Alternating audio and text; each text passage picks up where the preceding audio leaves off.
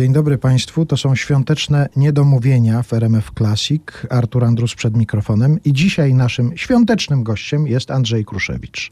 Witam, dzień dobry i czuję się rzeczywiście świątecznie. Zoolog, ornitolog, dyrektor Miejskiego Ogrodu Zoologicznego w Warszawie, lekarz weterynarii. Ten czas, y, święta Wielkiej Nocy, to jest y, dla Pana szczególnie intensywny medialnie czas, bo tak zauważyłem, że dziennikarze lubią się odezwać w tym czasie, żeby się dowiedzieć czegoś o jajku na O przykład. jajach, tak, tak. Rzeczywiście jest trochę więcej informacji o jajach potrzebnych. Ale to nie jest tak, że wyłącznie w tym czasie się odzywają, bo są ciekawi tego świata zwierzęcego. Tak, oczywiście. Bardzo to lubię. Ja nie chciałbym ograniczać tej naszej rozmowy wyłącznie do spraw takich typowo zawodowych i do tego, żeby się dowiedzieć od pana czegoś o jajku, ale zacznijmy od takiego wątku. A po owo. Na przykład, tak, ale chciałbym, żebyśmy się zastanowili nad takimi y, zwierzętami, które uchodzą za symbole świąt, czyli baranek, zajączek, kurczaczek, i żebyśmy coś do tego dorzucili, żeby pan coś do tego dorzucił, żeby pan powiedział, że jest jeszcze jakieś jedno zwierzę, które jest pomijane, a powinno być na przykład. No, króliczek y, poza zajączkiem, y, a różnią się od siebie, nie wszyscy wiedzą czym. Co więcej, no, są przyloty ptasie. Ptasie przyloty, skowronki śpiewają y, wokół nas, są też kosy. Na wsiach, no to może tych kosów trochę mniej. Kurczaczek, owszem, tak, ale dlaczego nie, nie wspomnieć na przykład o kogucie, który pieje więcej? A kogut to nie jest kurczaczek najpierw? Tak, ale z kurczaczka może wyrosnąć kogut, ale wcale nie musi. Może być kurka. Może być, też tak się domyślałem. Ale wie pan, w tym zestawie, który pan teraz podał, bardzo by mnie interesowało, żebyśmy na przykład wylansowali na taki symbol świąteczny kosa. Bardzo proszę. Piękny ptak. No i jeszcze, żeby pan uzasadnił jakoś, że trzeba go uznawać za, za symbol świąt. Ten kos, bo... Bo śpiewa, pięknie śpiewa, melancholijnie i rzeczywiście dla mnie śpiew kosa jest to pierwszy zwiastun wiosny. Szpaki pojawią się za chwilę dopiero, chociaż już są, ale kos zaczyna jako pierwszy. Y, Zaczynają się najpierw bójki pomiędzy samcami. Y, Samce są bardzo zazdrosne o terytoria, nie są monogamiczne, ale wymagają tego od samic. To teraz się zastanawiam, czy pan to uzasadnił, czy wręcz y, uzasadnił, że nie mogą być symbolem świąt, bo bójki, no nie możemy ptaki, które... Ale to są godowe bójki. Aha, czyli jakoś uzasadnione i usprawiedliwione. Zdecydowanie tak. No, wszelkie takie zaloty, wszystko co wokół zalotów ma związek z wiosną, z odradzaniem się życia i w ogóle zielenią, kwiatami. To jest to. No to proszę Państwa, uznajmy przynajmniej na początek naszego spotkania, że dołączyliśmy kosa do tych symboli świątecznych, czyli teraz nie tylko kurczaczek, zajączek, króliczek, baranek, tylko jeszcze kos. Niech to zostanie po tej naszej audycji już na zawsze. O, byłoby świetnie. Blackbird singing in the dead of night. Take these broken wings and learn to fly. All your life, you were only waiting for this moment to arise.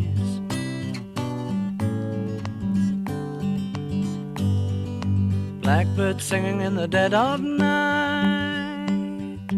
Take these sunken eyes and learn to see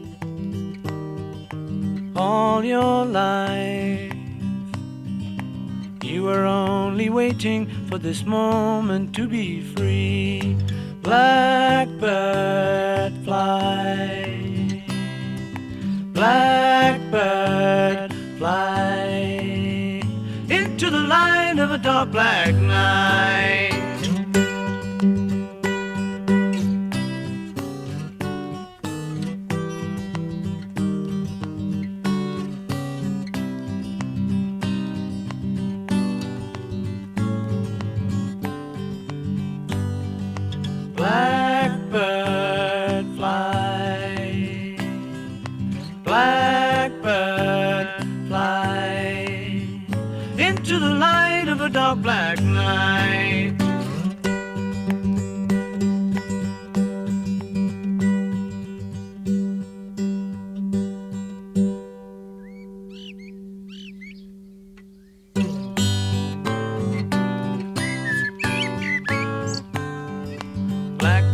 In the dead of night. Take these broken wings and learn to fly. all your life. You were only waiting for this moment to arise. You were only waiting for this moment to arise. You were only waiting for this moment to arise. Andrzej Kruszewicz dzisiaj u nas w Niedomówieniach w RMF Classic, dyrektor Miejskiego Ogrodu Zoologicznego, popularyzator wiedzy o zwierzętach, ze szczególnym uwzględnieniem ptaków, prawda? Tak. To jest pana ulubiony temat. Ale tak zawsze było? Czy te ptaki się pojawiły na jakimś etapie pana pracy zawodowej? Nie, ptaki były pasją od dziecka. Ja tych ptaków nie znałem, słuchałem różnych dziwnych opowieści. W domu były rybki akwariowe, był akwarium i był kanarek, ale przy łóżku miałem taką makatkę z lasem i z ptakami. I te ptaki są rozpoznawalne, tak jak teraz na, na tę makatkę patrzę, bo ją mam ciągle. I no, jak to dziecko zasypia się długo, czasem się choruje, w tym łóżku spędza się sporo czasu, więc tam był taki las marzeń. A skąd pan czerpał na tym początkowym etapie swojego zainteresowania przyrodą, ptakami? Skąd pan czerpał wiedzę? To nie były jeszcze czasy mocno internetowe, prawda? Nie miał pan. No, książki, oczywiście książki.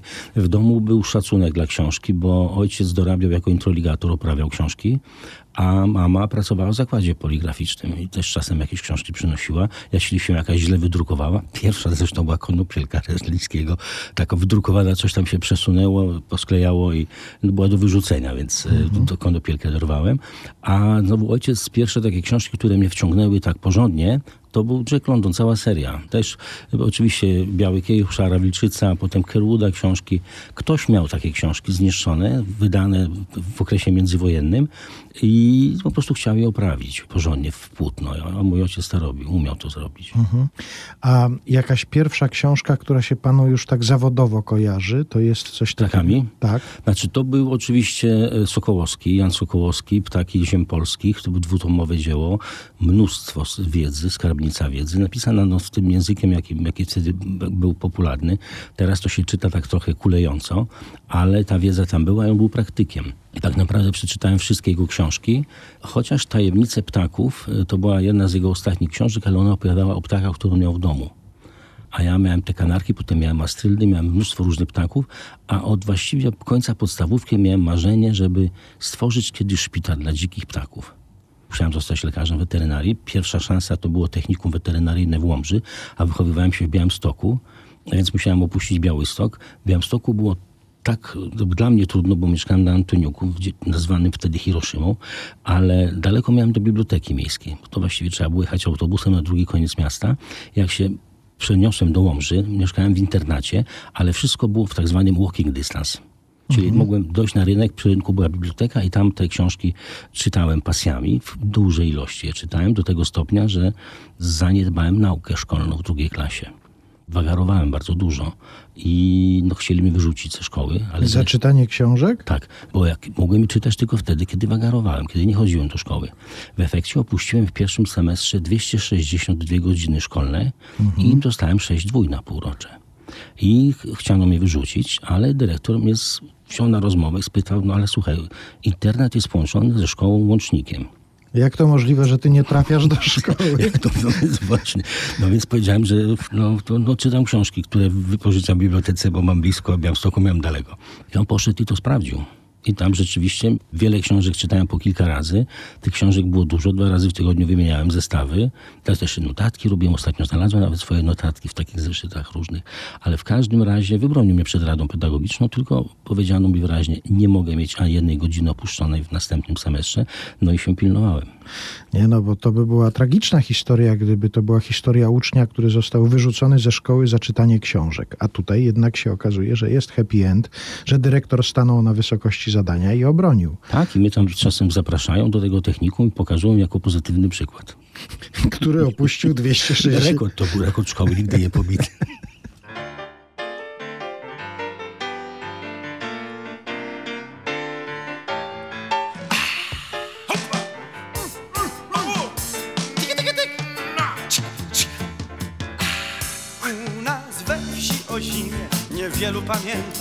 Po grudniowych śnieżycach nawet śladu nie ma. O zimina okrzepła, znowu idą święta Nowe święta i nowe świąteczne złudzenia. A prognozy na jutro BZ dużo słońca Prędzej zmarzną murzyni Niż wójt naszej wioski. Lecz w Afryce jak dotąd jest raczej gorąco A nas gnębią niewielkie Codzienne przymrozki. No ale cóż, wiosna nie musi być Owszem ciepło Lecz wcale bynajmniej nie tak. Nie, nie, nie tak, zieleni się sosna. Cóż wiosna zieleni się drzewką Aha, wrona kracze, Wronie wolno. Wiadomo. Wiosenny to ptak. U nas we wsi już wiosna inaczej się patrzy ciepłych krajów powrócił wójt z całą rodziną. Idą święta kapusty dla wszystkich wystarczy. Nie ma to jak kapusta z prawdziwą słoniną. W gminie wyszła ustawa, że będzie urodzaj. Plony wzrosną przeciętnie o 206 główek A bielinka z zampony potępił dobrodziej. Od dziś będzie żarł słomę, a u nas przednówek no nie? No ale cóż, wiosna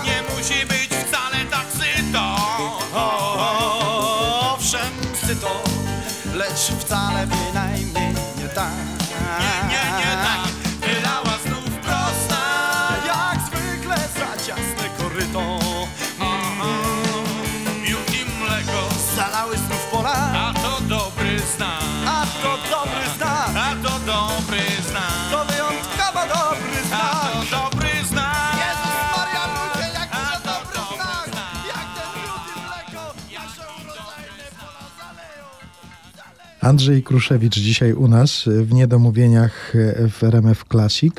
Wokół tematu przyrody, wokół tematu ptaków będziemy się poruszać z naturalnych powodów, rozmawiając z Andrzejem Kruszewiczem.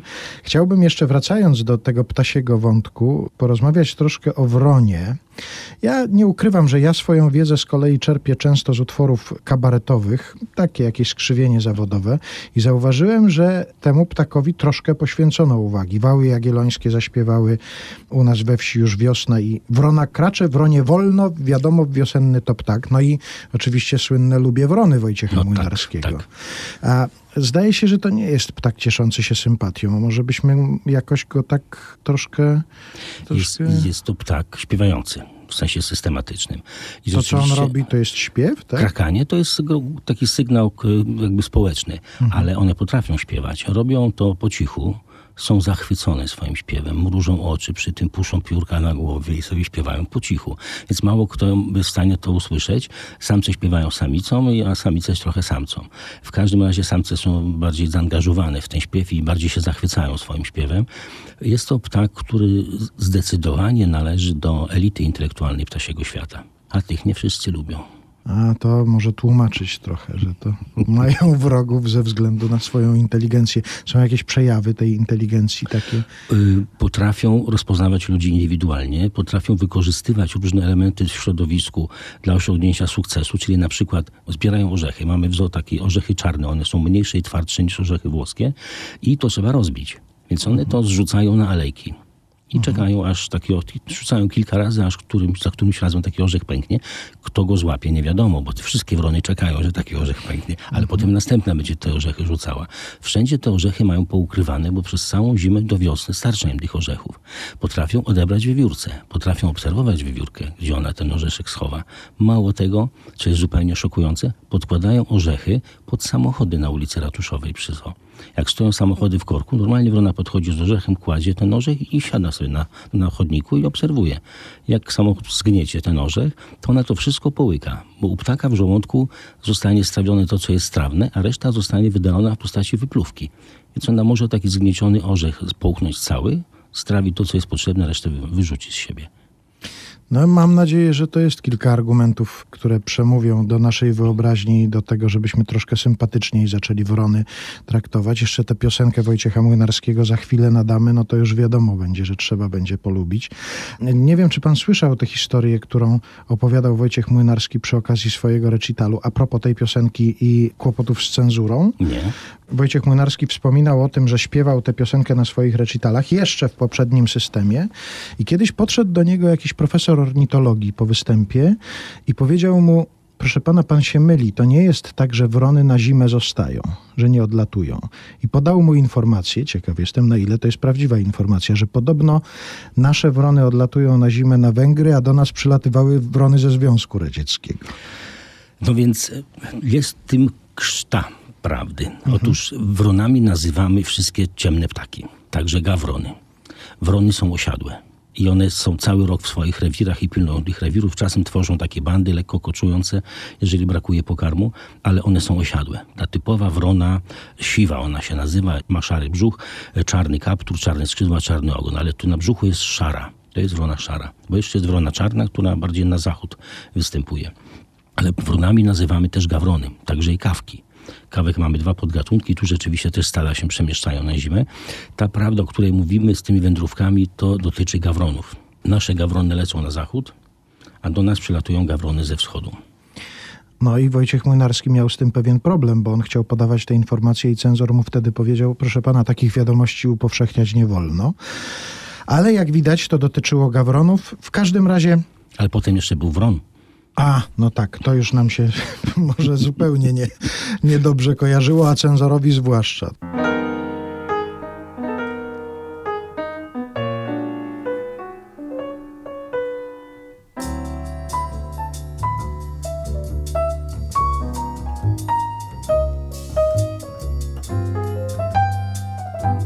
W berżeretkach, balladach, kansonach Bardzo rzadko jest mowa o wronach A ja mam taki gust wypaczony Że lubię wrony.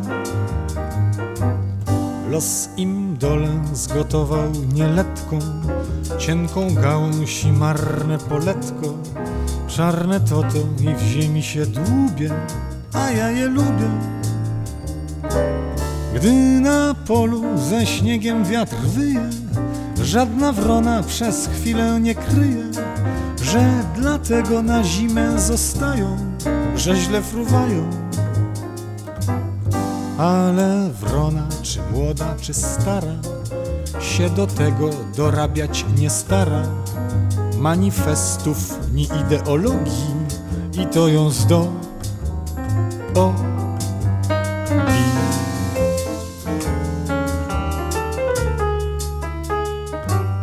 Gdy rozdziawią dziób, wiedzą dokładnie, że ich głosy brzmią raczej nieładnie, lecz nie wstydzą się i nie tłumaczą, że brzydko kraczą. I myśl w głowach nie świta im dzika, by krakaniem udawać słowika, by krakaniem nieść sobie pociechę i to jest wdechę. Żadna wrona się także nie łudzi, że zastawi ktoś stracha na ludzi, co na wrony i we dnie i nocą czyhają z procą. Wrony fruną z godnością nad ryskiem, jakby dobrze im było z tym wszystkim i w tym właśnie zaznacza się wronia auto i ro.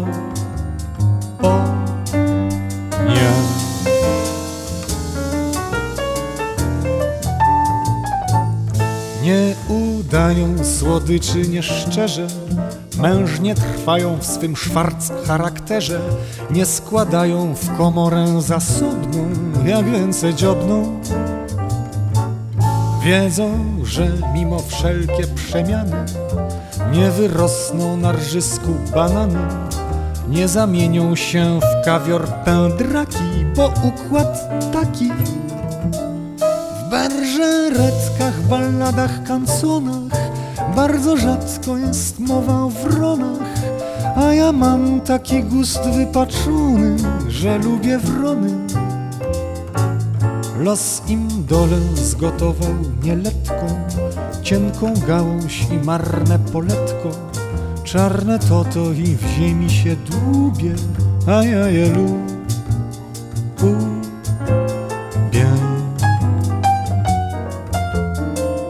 A ja je lubię.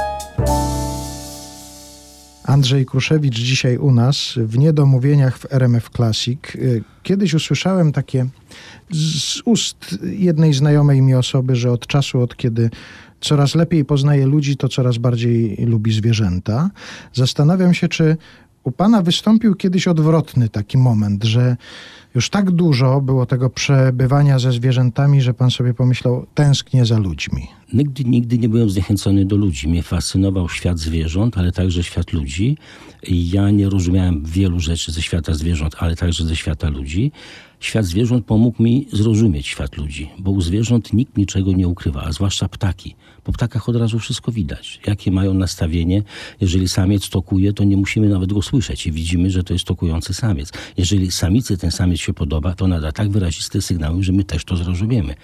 Więc ptaki nie ukrywają swoich emocji, a ludzie no niestety mają pewne rzeczy ukryte. Maskują, nawet swój własny zapach maskują obcym zapachem. E, maskują swoje nastroje, mają różne gesty, które mają hamować agresję, czy też efekt e, stłoczenia. Więc e, zwierzęta nie ukrywają tych wszystkich uczuć i żeby zrozumieć to, co się dzieje u ludzi, jeżeli się przeanalizuje świat zwierząt, to dojdziemy bardzo łatwo do wniosku, że wszystko to, co my mamy w sobie, co możemy nazwać po imieniu, wszelkie uczucie, wszelkie emocje, zazdrość, zawiść, miłość, to wszystko występuje w świecie zwierząt. Tylko w świecie zwierząt to jest z jednej strony ukryte, jeżeli nie umiemy na to patrzeć, ale jak już zaczniemy na to patrzeć, zaczniemy to widzieć, to się okaże, że to jest bardzo oczywiste. Tam zwierzęta niczego nie ukrywają. Jak ktoś kogoś nie lubi, to nie ukrywa tego. A u ludzi jest inaczej. No ja zauważam, że też coraz częściej nie ukrywamy akurat tego, że się nie lubimy. To chyba coraz mocniej potrafimy W pokazywać. covid było tak, takich obserwacji miałem sporo, że ludzie byli bardziej znerwicowani, bardziej agresywni, bardziej zaczepni. Coś się wydarzyło. No poza tym teraz mamy ogólnie społeczeństwo podzielone. A propos tych obserwacji, nosi pan ze sobą jakiś sprzęt specjalny do obserwacji, tak jakby nagle na ulicy trzeba było poobserwować? Jakąś lornetkę? Znaczy nie mam zawsze przy sobie, mam w samochodzie. Lornetek mam kilka w, różnych miejscach, ale tak naprawdę wystarczy patrzeć, nawet okiem nieuzbrojonym, wiele rzeczy można zobaczyć, zrozumieć. Czasem jest wątpliwość, co to za gatunek, co to za ptak. No to wtedy lornetka by się przydała. Ale w mieście te ptaki są niepłuchliwe, one człowieka się nie boją. Nawet lepiej nie, nie wyróżniać się ze społeczeństwa, być normalnie ubranym i normalnie się zachowywać, nie mieć żadnej lornetki, to wtedy ptaki ignorują takiego kogoś. A Jak widzą takiego z lornetką, to są podejrzliwe. I jak się jeszcze ktoś skrada, jest ubrany w moro, to, to oczywiście, że są podejrzliwe. Nawiązując jeszcze do pana książek, bo też mnóstwo książek już się ukazało, w których pan opisuje ten świat e, zwierząt, swoją pasję, swoje życie zawodowe, to z kolei tutaj nosi pan jakiś sprzęt przy sobie do notatek? Ma pan zawsze jakiś notatnik, pióro czy dyktafon, żeby coś nagrać? Nie, nie, nie, nie, nie, nic z tych rzeczy. Mam notatniki w różnych miejscach. Oczywiście zapisuję sobie. W telefonie też jestem w stanie zrobić notatkę, żeby sobie coś zanotować. Jakąś obserwację, czy też jakąś myśl, która mi przyjdzie do głowy. Ale ogólnie y, zapisuję wiele różnych rzeczy w notatnikach. A ostatnio gazety do mnie przychodzą zafoliowane i w środku jest kartka z adresem. I te kartki zbieram i potem je spinam takimi dużymi spinaczami i mam notatniki. A jak pan pracuje nad książkami? To jest taka systematyczna praca, że wstaje pan o 5 rano, o 6 siada do pisania i pisze przez jakiś czas? Czy z rywami pan pracuje? W jaki sposób powstają książki? Piszę rano, y, w dni wolne, bo normalnie wstaję 5.30 i tak naprawdę staram się na siódmą być w zoo. Czyli tu poranne pisanie nie wchodzi w grę, chociaż jeśli mam wolne, to lubię z rana pisać. Ogólnie do południa staram się jakby zamknąć y, jakąś część, y, którą zacząłem. Czasem robię jakieś drobne notatki potem do, do nich wracam, ale zaczynam od planu. Znaczy tak naprawdę to zaczynam od sprzątania swojej pracowni i biurka. I sobie tam układam jakieś materiały, ale musi być po prostu komfort. I potem robię plan takiej książki. Nad tym planem trochę myślę, pracuję, to trwa trochę. Jak już plan jest, to potem robię plany konkretnych ro- rozdziałów i staram się zamknąć taki rozdział danego dnia na przykład, po to, żeby już to było zrobione na następny dzień, żeby zrobić od, od nowa. Ale przeczytałem kiedyś taką mądrą myśl Hemingwaya, żeby przerywać pisanie w momencie, kiedy doskonale się pisze. Bo jak się skończy pisanie w momencie, kiedy człowiek nie wie, co dalej ma napisać, to jutro nie będzie wiedział, od czego zacząć. A w momencie, kiedy się urywa ten jakby potok w trakcie pisania, to człowiek wie, od czego zacząć. Ja sobie czasem tam na dole zapisuję tekstu jeszcze tam myśli, które, żeby nie umknęły. I to jest, ta myśl Hemingwaya za mną chodzi. Zresztą Hemingwaya też przeczytałem prawie wszystkie książki. Myślę, że wszystkie, ale no, jakby trudno mi w tej chwili wymienić. Ale tak, to był też dla mnie taki guru, jeżeli chodziło o te, te podróżnicze opowieści. I ta myśl mnie trzyma, że właśnie skończyć, kiedy już jeszcze chcę. Poza tym robię krótkie przerwy, żeby się trochę rozprężyć, pochodzić. Przy domu mam ogród, na Polesiu mam też taką siedzibę, którą sobie sprawiłem, żeby mieć pustelnię. Ale zjechała tam żona z końmi, doszły psy, kury, Skończyła króliki. się pustelnia. No, trzy kilometry jest od granicy. Teraz nawet ogniska nie chcę rozpalać, bo zwykle lub- lubiłem sobie pogrillować, a teraz jak tam się rozpali ognisko, to natychmiast nad stodołą albo nad stajnią zawisa helikopter w pewnym uzbrojeniu i obserwują, nagrywają sobie tam tablice rejestracyjne, obserwują co się dzieje, bo to są tylko trzy kilometry od Bugu. Ciekawa pustelnia z helikopterem nad dachem. w pełnym uzbrojeniu. Ale oni jakby, jak już widzą, że to jest grupa ludzi, którzy sobie grillują, to już dają spokój. Ale no, ta pierwsza wizyta, jak ktoś pierwszy raz jest u mnie i, to zobaczy, tu konie w galopie przerażone, leci helikopter, bach, zawisa nad chałupą. No tak, to robi wrażenie. Andrzej Kruszewicz dzisiaj u nas w niedomówieniach, świątecznych niedomówieniach.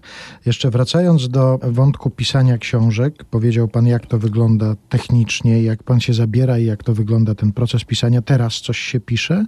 Jest już moment taki, że można powiedzieć, co się przygotowuje? E, tak, przygotowuję. E, Jest to bardzo wczesny etap. E, Tytuł, no nie powiem jak, o, o czym to będzie, ale o ptakach. O, zaskoczyłby mnie pan, gdyby było o hipopotamach na przykład, a chociaż nie zaskoczyłby mnie pan, bo przecież też się pan musi znać jako dyrektor No, ogrodu na- zoologicznego. książkę Sekretne życie seksualne zwierząt. I tam hipopotamy Oj, oj były. tak, oj tak. No, no, jako wybitni znawcy tego gatunku. Sekretne życie kotów też napisałem swego czasu. To zatrzymajmy się przy ogrodzie zoologicznym. Już widać pełnię wiosny w ogrodzie zoologicznym warszawskim. Zawsze. Po zwierzętach już widać, że Zawsze. Mhm. O każdej porze roku. Mamy zwierzęta z różnych stref klimatycznych, z różnych kontynentów, więc zawsze ktoś tam ma nastrój godowy. wiosna cały rok w ogrodzie Jak w zoologicznym. tworkach. Ja mam pewnego kolegę artystę kabaretowego, który od czasu do czasu nawet podsyła mi zdjęcia, kiedy przychodzi po raz kolejny z dzieckiem zobaczyć mrówkojada. I nigdy go nie może zobaczyć. Albo mu się tyłem gdzieś odwróci, albo mu się schowa i już parę prób podejmował. Nigdy mu się nie udawało. To jest nocne zwierzę. Więc przez to jest trudność. W tej chwili mamy tylko bardzo starego osobnika schorowanego, ale chcemy, żeby dożył swoich dni i potem dopiero zaczniemy myśleć o, o nowej grupie, ewentualnie być może nowej ekspozycji, żeby e, było to lepiej zrobione, bo tam rzeczywiście macie, one mają taki ciemny kąt, a to lubią i tu jest dylemat żeby zwierzę było szczęśliwe, a jednocześnie człowiek mógł go zobaczyć. Myśmy mieli taki dylemat też z bąkiem. Jest taki ptak w Polsce, bąk się nazywa. No i jak go się wpuści do woliery, gdzie nie będzie kępyczcin, no to on będzie chodził zdenerwowany. Jak mu się da kępyczcin, to nikt go nie zobaczy. Mieliśmy nawet taką przygodę, że ja powiesiłem tabliczkę. Wpuściliśmy tutaj dwa bąki, znajdźcie. Została skradziona w ciągu kwadransa. Nie dziwię się, sam bym ukradł taką tabliczkę. No ale to może pomysłem na to jest jakieś nocne zwiedzanie ogrodu zoologicznego. Tak, my robiliśmy takie rzeczy. Nie wszystkie zwierzęta to lubią. Być może są też, znaczy są też takie pawilony nocne, że się odwraca cykl dnia i nocy zwierzętom i wtedy można je obserwować. E, No ale musi być warunek spełniony, żeby mogły wychodzić jednak na światło słoneczne i korzystać z dobrodziejstw słońca. No ten mrówkojad, y, jak była samica z młodym, jak one się rozmnażały, to łatwo było je tam obserwować. Teraz jest to jeden stary, geriatryczny, schorowany osobnik, więc on jest mało mobilny. A coś a propos momentu, w którym się znajdujemy, symboliki nowego życia, coś się szykują, jakieś narodziny w ogrodzie zoologicznym? Oj tak, ale to nie, nie wolno zapeszać. A, nie wolno mówić wcześniej, zanim to Ma- Powiem nastąpi. tylko, jakie mamy największe sukcesy. Jest taki ptak, który się nazywa paw kongijski. I ja zawsze chciałem tego pawia w jakiś sposób sprowadzić do, do, do warszawskiego zoo, dlatego że żadne muzeum nie, ma nawet, nie miało nawet pióra ani szkieletu. Y, Więc y, no, rozmawiałem z koordynatorem hodowli tego gatunku, to było w Antwerpii, y, no bo wiele krajów ma swoje stacje hodowli zwierząt w krajach, które wcześniej były ich koloniami. Tak samo tutaj z Konga jest antwerpskie zoo, prowadziło tam pracę w Kongu, no i mieli te pawie kongijskie, rozmnażali je. Niewiele tego było, ze 20 parę osobników, drugie tyle w Stanach. No i prosiłem o nawet starego osobnika, tak na, do, na dożywocie, żeby nam dać. No i w końcu y, dostałem parkę. Samiec miał takie zawieszki, że on szedł, szedł i stawał nagle z taką nogą uniesioną. To ja też to mam Y, czasem. Naprawdę? No w każdym razie było, było to przedziwne. A samica miała taki nieład w upierzeniu, wyglądała jak taka partyzantka, przy której wybuchł granat. I takie dwa rzęchy dostaliśmy i one zniosły jajko. I to, za, Proszę. I to zapłodnione, jak się potem okazało. Nie pozwolono nam tego jajka inkubować w inkubatorze, tylko że naturalne lęgi miały być, no to, to się nie udało.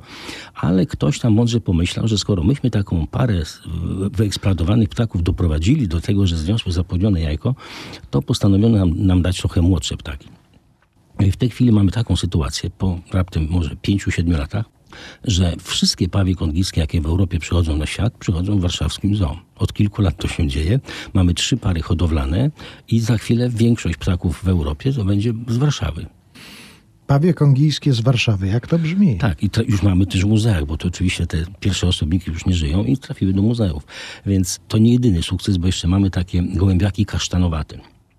Wyspa Socorro, meksykańska wyspa, baza wojskowa, żołnierze, sprzętu mnóstwo, psy, koty, świnie, owce, kozy, no i przyroda zjedzona. Nic tam nie było. No i potem postanowiono, jak już baza wojskowa się wycofała, postanowiono odtworzyć przyrodę na tej wyspie. E, No i było to trochę skomplikowane. Psy, koty trzeba było stamtąd zabrać i świnie, i owce, i kozy. No ale tam sadzonki pojechały statkiem, posadzono rośliny, no i ktoś zauważył, że tego głębiaka kasztanowatego już tam nie ma. Sokorodaw nazywa się e, po angielsku. No w każdym razie okazało się, że jest grupa entuzjastów w Europie, którzy hodują te ptaki i kilku w Stanach też miało te ptaki. Zaczęliśmy próbować rozmnażać, a wtedy też dostałem pierwsze osobniki. Były to nadwyżkowe samce, które no, nie umiały się połączyć w parę, a łączyły się w parę z czymkolwiek. Byle by miało skrzydła i nie uciekało za daleko. Więc te, te pierwsze osobniki były nieudane pod tym względem, bo nie można się było doczekać potomstwa, ale w końcu dostaliśmy odpowiednią parę, potem drugą, no i w pewnym momencie odrobiono sukces. Mamy 100 gołębiaków na świecie. 17 było z Warszawy. Także to był sukces i potem byłem w, w takim ogrodzie zoologicznym w Meksyku, Africam Safari to się nazywa, bo to Camacho rodzina, dlatego Africam. I oni mieli pierwsze dwie pary gołębiaków po to, żeby zacząć się rozmnażać, po to, żeby wsiedlić potem na wyspę Socorro. I chciałem, zapytałem, czy mógłbym ewentualnie zobaczyć, jak je trzymają, w jakich warunkach. Nie, nie, to, to za rzadkie, za cenne, nikt obcy nie może tam wchodzić. Tak sobie pomyślałem, no pewnie są od nas, ale to już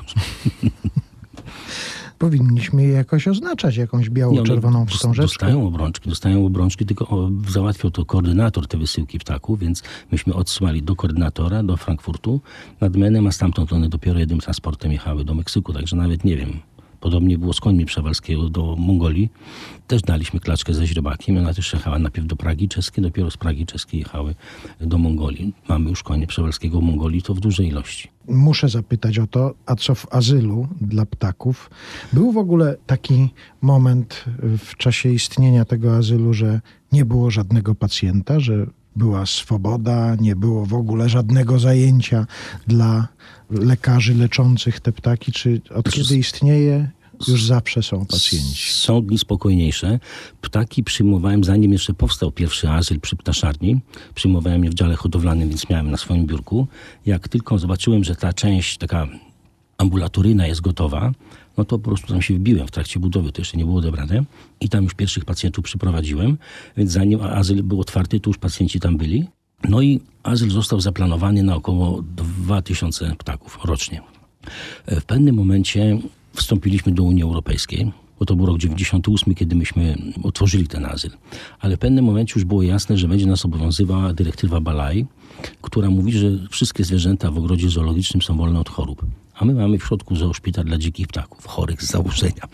No i dyrektorem Biszewskim był poprzednik, tak patrzył na to tak trochę podejrzliwie, ale w pewnym momencie, kiedy było jasne, że odchodzi na emeryturę, to powiedział mi tak, wiesz, nie wiadomo kto tu przyjdzie, nie wiadomo jakie będzie miał nastawienie, a to jest niezgodne z prawem unijnym. Musisz się zastanowić. Ja mówię, co, ja, co mam się zastanawiać? No może być został dyrektorem. Ja nie chcę, ja chcę żyć z ptakami, ja nie chcę być administratorem. Broniłem się przed tym, ale tak kilka razy mi to powtórzył, że no wiesz, nie wiadomo jak z tym będzie. Stwierdziłem, że w sumie może to będzie takie wyzwanie, że będę mógł więcej i lepiej. E, Więc wystartowałem w konkursie, wy- wygrałem ten konkurs i zbudowałem na razy od nowa. Bo tamten rzeczywiście nie, nie, nie był zgodny z prawem unijnym. Trzeba było zbudować nowy na peryferiach i poprosiłem o unijne pieniądze. Skoro przed wejściem do Unii był zgodny z prawem, a po wejściu przestał być, poprosiłem Unię o pieniądze i dostaliśmy pieniądze na azyl dla ptaków i przez pomyłkę także na, na ośrodek CITES. Przez pomyłkę, dlatego to zresztą wiceprezydent Olszewski wtedy interweniował, bo on był e, dyrektorem Biura Funduszy Europejskich i myśmy złożyli na, e, na azyl dla ptaków, ale e, w jakiś sposób nie można było przepchnąć tego, tego formularza przez system i myśmy szybciutko przygotowali drugi na ośrodek CITES. I ten z z ośrodkiem CITES przeszedł, a ten azylowy okazało się, że nie, nie mógł przejść ze względu na błąd w oprogramowaniu. I dyrektor Olszewski protestował w sądzie w NSA i wygrał sprawę. I tym sposobem dostaliśmy dwa projekty. I obok siebie są, i one są na terenie wydzielonym, na peryferiach zoo. Były kontrole unijne, nawet komisarz unijny był, oglądał. Jest to pełnie, pełni zaakceptowane przez władze unijne, także weterynaryjne. Mamy. Pierwszy był budowany na 2000, rekordowo przyjął prawie 3.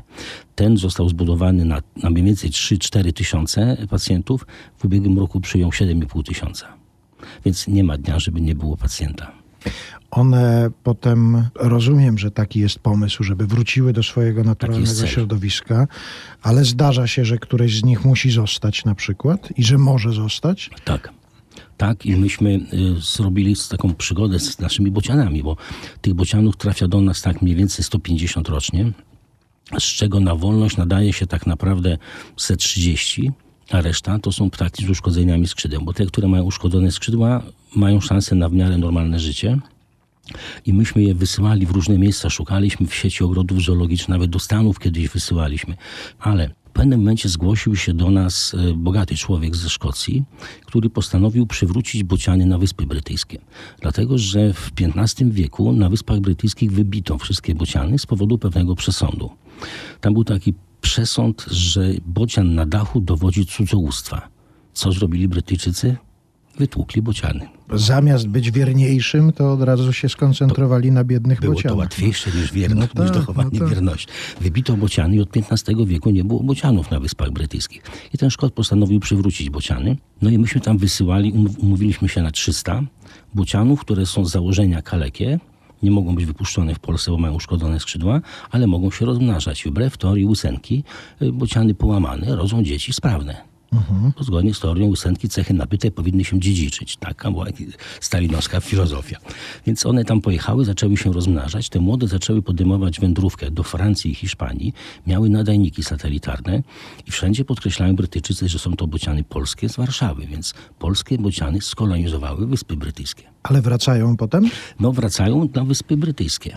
To jest wszystko w trakcie jeszcze, bo to jest wszystko świeże. To jest, to jest kilkuletni projekt. Ja myślałem, że mają aż taki instynkt, że potem przez te Francję jednak do Polski sobie wracają, że tutaj szukają swoich Tamtejsze bociany lecą przez y, Gibraltar. Aha. Nasze lecą przez Bosfor, a tamte lecą do Maroka i właściwie w tej chwili one w dużej ilości zimują w Hiszpanii. A jeszcze chciałem nawiązać do książki, która leży tutaj przede mną, Tajemnice ptasiej alkowy. Tutaj bocianom też pan poświęca trochę czasu i tam się pojawia bocianek. Mały bocian, który nazywał się bocianek i on się urodził i został wychowany przez pelikana, zdaje się, Znaczy tak? on był pogrobowcem, bo pod Lesznem, to jest taka miejscowość na południe od Warszawy, czyli na zachód, pobiły się dwie bocianice, bo tam przyleciała młoda, samiec przylatuje pierwszy, stara się przynajmniej, żeby zająć stare gniazdo, no bo w starym gnieździe są stare pchły, które mniej dotkliwie gryzą, a jeżeli przyleci partnerka zeszłoroczna, to będzie łatwiej można dojść do, do, Porozumienia. do porozumienia i szybciej wychować potomstwo, a to jest ważne, bo potem jest odlot 20 sierpnia i wszyscy muszą być sprawni, jak ktoś jest młodszy, za słaby, no to nie doleci. No i tutaj było tak, że przyleciała inna bo- bocianica, ten samiec tam tokował, sapał, cały ten foreplay wykonywał, już z tą samicą był związany, ale potem przyleciała ta prawowita właścicielka tego gniazda, która już tam była. Doszło do bójki, no i wygrała ta mm, stara samica. A ta młoda została strącona na ziemię. E, No i gospodarz dzwonił do nas wieczorem, ale nie mógł przywieźć jej od razu. Mówiliśmy się na rano i przywiózł e, tę bocianicę w takiej skrzyni. No i otwieram tę skrzynię, zaglądam, jest martwa. Ale pod nią było jajko. I to jajko trafiło do inkubatora, obok jajka pelikana. I one się wykluły mniej więcej w tym samym czasie, z tym, że pelikan rósł dużo szybciej, a bocianek, jak to bocianek, on dużo tracił energii na klekotanie, bo to on klekocze od pierwszego dnia. Przewraca się, zaciera głowę i, i klekocze. I jak dawały im się ryby, no to bocianek, jak to bocianek, jak pensetą chwytał albo tam dostało na początku papkę, potem już chwytał e, dziobem jak pensetą. A pelikan no, to był taki cwaniak, że on ustawiał dziób tak jak miotła i po prostu z szuflej zgarniał to wszystko. No i to, że pelikan urósł szybciej niż bocianek sprawiło, że w pewnym momencie pelikan zaczął się bawić w połykanie bocianka. Rzucał do sobie go do tego worka pod dziobem i go wypluwał. Bocianek protestował, wyrzekał strasznie, ale to była taka ulubiona zabawa i po, nie to. Pelikana raczej niż bocianka. Znaczy, no. bocianek, potem już nogi urosły i już ta zabawa nie była taka łatwa. W każdym razie one były ze sobą zaprzyjaźnione i mieszkały na takim patio, które mamy między ptaszarnią. Wtedy ono było między ptaszarnią a azylem i uciekały nam. Uciekały nam na teren zoo i japońskie wycieczki fotografowały sobie tego pelikana z bociankiem. No sobie spacerowały, był strasznie dumny, że chodzą sobie wszędzie. Ale bocianek nie był taki rozgarnięty jak ten pelikan, bo pelikan rozpoznawał mnie z daleka. I od razu garbił się i gdzieś starał się schować jeden bocianek razem z nim. No więc to był pewien kłopot, ale postanowiłem, znaczy rozpoznałem, że jak się zamknie bocianka w takim końcu, że nie będzie umia- umiał z niego wyjść, to pelikan nigdzie nie chodzi. No i nigdzie nie chodził. Ale przyjechały do zoo piękne kobiety. Była Miss Polski, Miss Europy, Miss Świata, wcze- wcześniejsza Miss Polski i miały takie spotkanie i koniecznie chciały zrobić sobie sesję fotograficzną z jakimś takim milusińskim zwierzątkiem. Nie mamy oswojonych zwierząt, bo to jakby to już jest inna epoka ogrodów zoologicznych. I pomysł był, żeby tego bocianka. Opowiedziałem krótko historię i się zapalili tam ich menadżerowie, że na, na tego bocianka. Ale Miss Polonia powiedziała Miss Świata, że bociany przynoszą dzieci. I tamta powiedziała, że ona się nie dotknie. I mamy sesję fotograficzną, ale bocianek jest w koszyczku. Albo przez koszyczek już można, Przez tak? koszyczek widocznie uznano, że można. I był w koszyczku takim wiklinowym, takim właśnie wielkanocnym. Nawiązując jeszcze do azylu dla ptaków e, w warszawskim ogrodzie zoologicznym, zapytałem też o to, ilu tam jest pacjentów, co tam się dzieje, ponieważ tutaj kiedyś w tym studiu powstała piosenka na podstawie informacji medialnej, że gdzieś na Mokotowie do kogoś przyleciała papuszka z gipsem na nóżce. I zastanawiałem się, czy to mogła być wasza pacjentka, czy gips na nóżkę się też zakłada czasami ptakom. Nie. Nie ma takiej możliwości. Są za delikatne kości, wszystko jest to bardzo lekkie, usztywnia się oczywiście, ale nie gipsem. No więc to była jak zwykle medialnie podkręcona pewnie informacja, na tyle podkręcona, że my tutaj stworzyliśmy piosenkę, którą fragment zespołu pieśni i tańca Mazowsze zaśpiewał. A ja chciałem panu serdecznie podziękować za inspirację do piosenki, bo właściwie stworzyliśmy wspólną piosenkę. Babka w czapce. Babka w czapce, tak. Tak, to jest historia niezwykła. Kto zna tę historię, to więcej rozumie z tej piosenki. A myśmy siedzieli, to Państwu zdradzę, z panem Arturem Andrusem na targach książki w Warszawie i mieliśmy stoliki autorskie tuż obok siebie. Jak zobaczyłem, że ktoś jeszcze ma być obok, to nawet myślę sobie, no jak to z drugim autorem tak obok. No ale jak się okazało, że to Artur Andrus, to od razu się ucieszyłem. No i jak u mnie była mniejsza kolejka, a u pana Andrusa była większa, to ja mówię, proszę Państwa, proszę do mnie, u mnie mniejsza kolejka. I odwrotnie też było, od razu zaznaczmy, tak. W każdym razie opowiedziałem historię e, naszego goryla wikinga, który przyjechał w ogromnej klatce, 450 kilo klatka ważyła. Strasznie tam rozrabiał w tej wielkiej klatce. Jak zaglądało się, to od razu walił łapami w te miejsca, gdzie się chciało go podejrzeć. Jak go wypuściliśmy z tej wielkiej klatki, to się okazało, że jakiś pokurs w ogóle, tam 40 kilo nie ważył. Ale był strasznie groźny, tuptający, hałaśliwy. Jego matka też takiej drobnej postury. On miał niedobory witaminy D i wapnia. Troszeczkę to być może był problem jakiś genetyczny. W każdym razie po kilku dniach połączyliśmy go z naszym dominującym samcem y, Azizi i Azizi go docisnął do ziemi, bo to jest taki normalny gest y, pokazujący dominację. No i po tym dociśnięciu okazało się, że tak, Wiking miał złamane trzy kości śródręcza w jednej ręce, ale to maskował, skóra czarna nie widać. I jak tamten go docisnął, to on wziął cały ciężar na drugą rękę i wtedy doszło do złamania kości przedramienia. No i wielka operacja musiała do tego być. Y, Do tej, przed operacją oczywiście ktoś musi wystrzelić środek nasenny ze specjalnej dmuchawki i to robiła nasza pani doktor Agnieszka, o której jest w piosence i ona jest taką blondynką o dużej ilości takich kręconych, puszystych włosów. No i strzelała do niego z tej dmuchawki i on potem już ją rozpoznawał, bo tych operacji było kilka. Zdejmował opatrunki, w ogóle były tam niezłe historie. I on, jak ją widział, to zasłaniał swój tyłek kartonem, pudłem kartonowym, takim wiechciem z, z woliny, żeby tylko go nie strzeliła w ten tyłek. I potem odkryliśmy przez przypadek, że jak ona przyszła w czapce, takiej wełnianej, Wiki jej nie rozpoznawał. Przychodził, pokazywał te rączki, że tu go skrzywdzili, że tu go boli. W ogóle jej nie rozpoznawał. A jak była właśnie bez czapki, z tymi puszystymi włosami, to krzyczał, chował się i zasłaniał tyłek. Więc to był ten jeden pomysł. No i tam jeszcze był, to głównym chirurgiem był mój przyjaciel e, Grzesiek Szczęsny, którego serdecznie pozdrawiam. Chłop 120 kilo, wtedy nawet chyba 140 ważył, bo nabijałem się z niego, bo w Rabce byłem na, na takim krótkim urlopie i tam w parku były takie różne przyrządy do ćwiczeń, takie do, do podciągania się do, do, do, do, różnych ćwiczeń. Ale wszędzie była informacja, że max 120 kg, więc zadzwoniłem do niego, mu opowiedziałem, jakie są wspaniałe urządzenia w tej Rabce w parku i jak już on się ucieszył, to mu powiedziałem, ale tylko do 120. no i właśnie był taki moment, kiedy Wiking, to była chyba trzecia albo czwarta operacja, w trakcie narkozy usiadł. Siedzi goryl. Mhm. Więc ja zamarłem. Grzesiek spokojnie podszedł do sprawy. Goryl ważył 45 kg, wtedy pewnie 140 i tak mówi, o, małpka się obudziła. I ta siła spokoju spowodowała, że Koryl położył się znowu i zasnął. E, no i to, tak też, to też jest zresztą w piosence o tej małpce. Tak jest i bardzo dziękuję za te inspiracje i, i liczę na kolejne. To znaczy mam nadzieję, że w kolejnych książkach może się pojawi coś takiego, co będzie można potem przekuć w piosenki, bo jak widać to jest taki świat, który jest inspirujący nie tylko dla kogoś, kto się tym zawodowo zajmuje, ale i dla ludzi tworzących piosenki na przykład. No tak, z tej książki jest y, Tajemnicy Ptasialkowy jest jeden podstawowy wniosek dla nas mężczyzn w, w dojrzałym wieku. I mężczyzna starszy, tym bardziej atrakcyjny. Tak myśli pan, że możemy zakończyć takim stwierdzeniem? Tak jest w świecie ptaków. A, no właśnie, no to dodajmy, a teraz niech państwo sami sobie z tym coś zrobią, z tym przesłaniem. Bardzo dziękuję. Doktor Andrzej Kruszewicz był naszym gościem. Bardzo dziękuję za Serdecznie spotkanie. pozdrawiam wszystkich.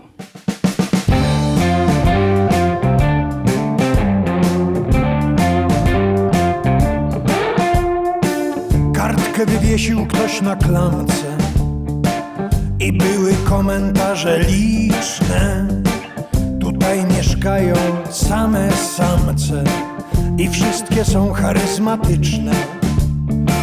Kiedy się noc na miasto kładzie, ja się do snu układam grzecznie, a w tym typowo męskim stadzie czuję się pewnie i bezpiecznie. Może to genetyczny błąd. Mam tak od dziecka, moja kochana. Boję się kobiet, puszysty blond. Ale jak babka nałoży czapkę Zaczynam ufać babce w czapce I jest akceptowana. Przeżyłem kilka ziemi trzęsień a przez Agnieszkę strasznie schudłem. Ona strzelała w każdy mięsień A ja się zasłaniałem pudłem. Nieraz przeszedłem serca zawał. Miłość to destrukcyjna siła. Nade mną chirurg chłopa kawał. Mówi o małpka się zbudziła. Może to genetyczny błąd Mam tak od dziecka, moja kochana. Boję się kobiet, puszysty blond Ale jak babka nałoży czapkę Zaczynam ufać babce w czapce I jest akceptowana.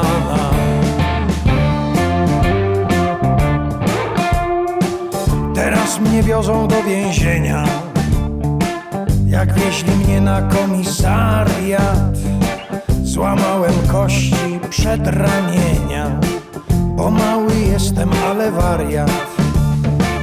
Jedzie więzienna limuzyna Migają światła kolorowe A ty już nie strasz mnie, blondyna. No nałóż wreszcie coś na głowę. Może to genetyczny błąd Mam tak od dziecka, moja kochana. Boję się kobiet, puszysty blond. Ale jak babka nałoży czapkę Zaczynam ufać babce w czapce I jest akceptowana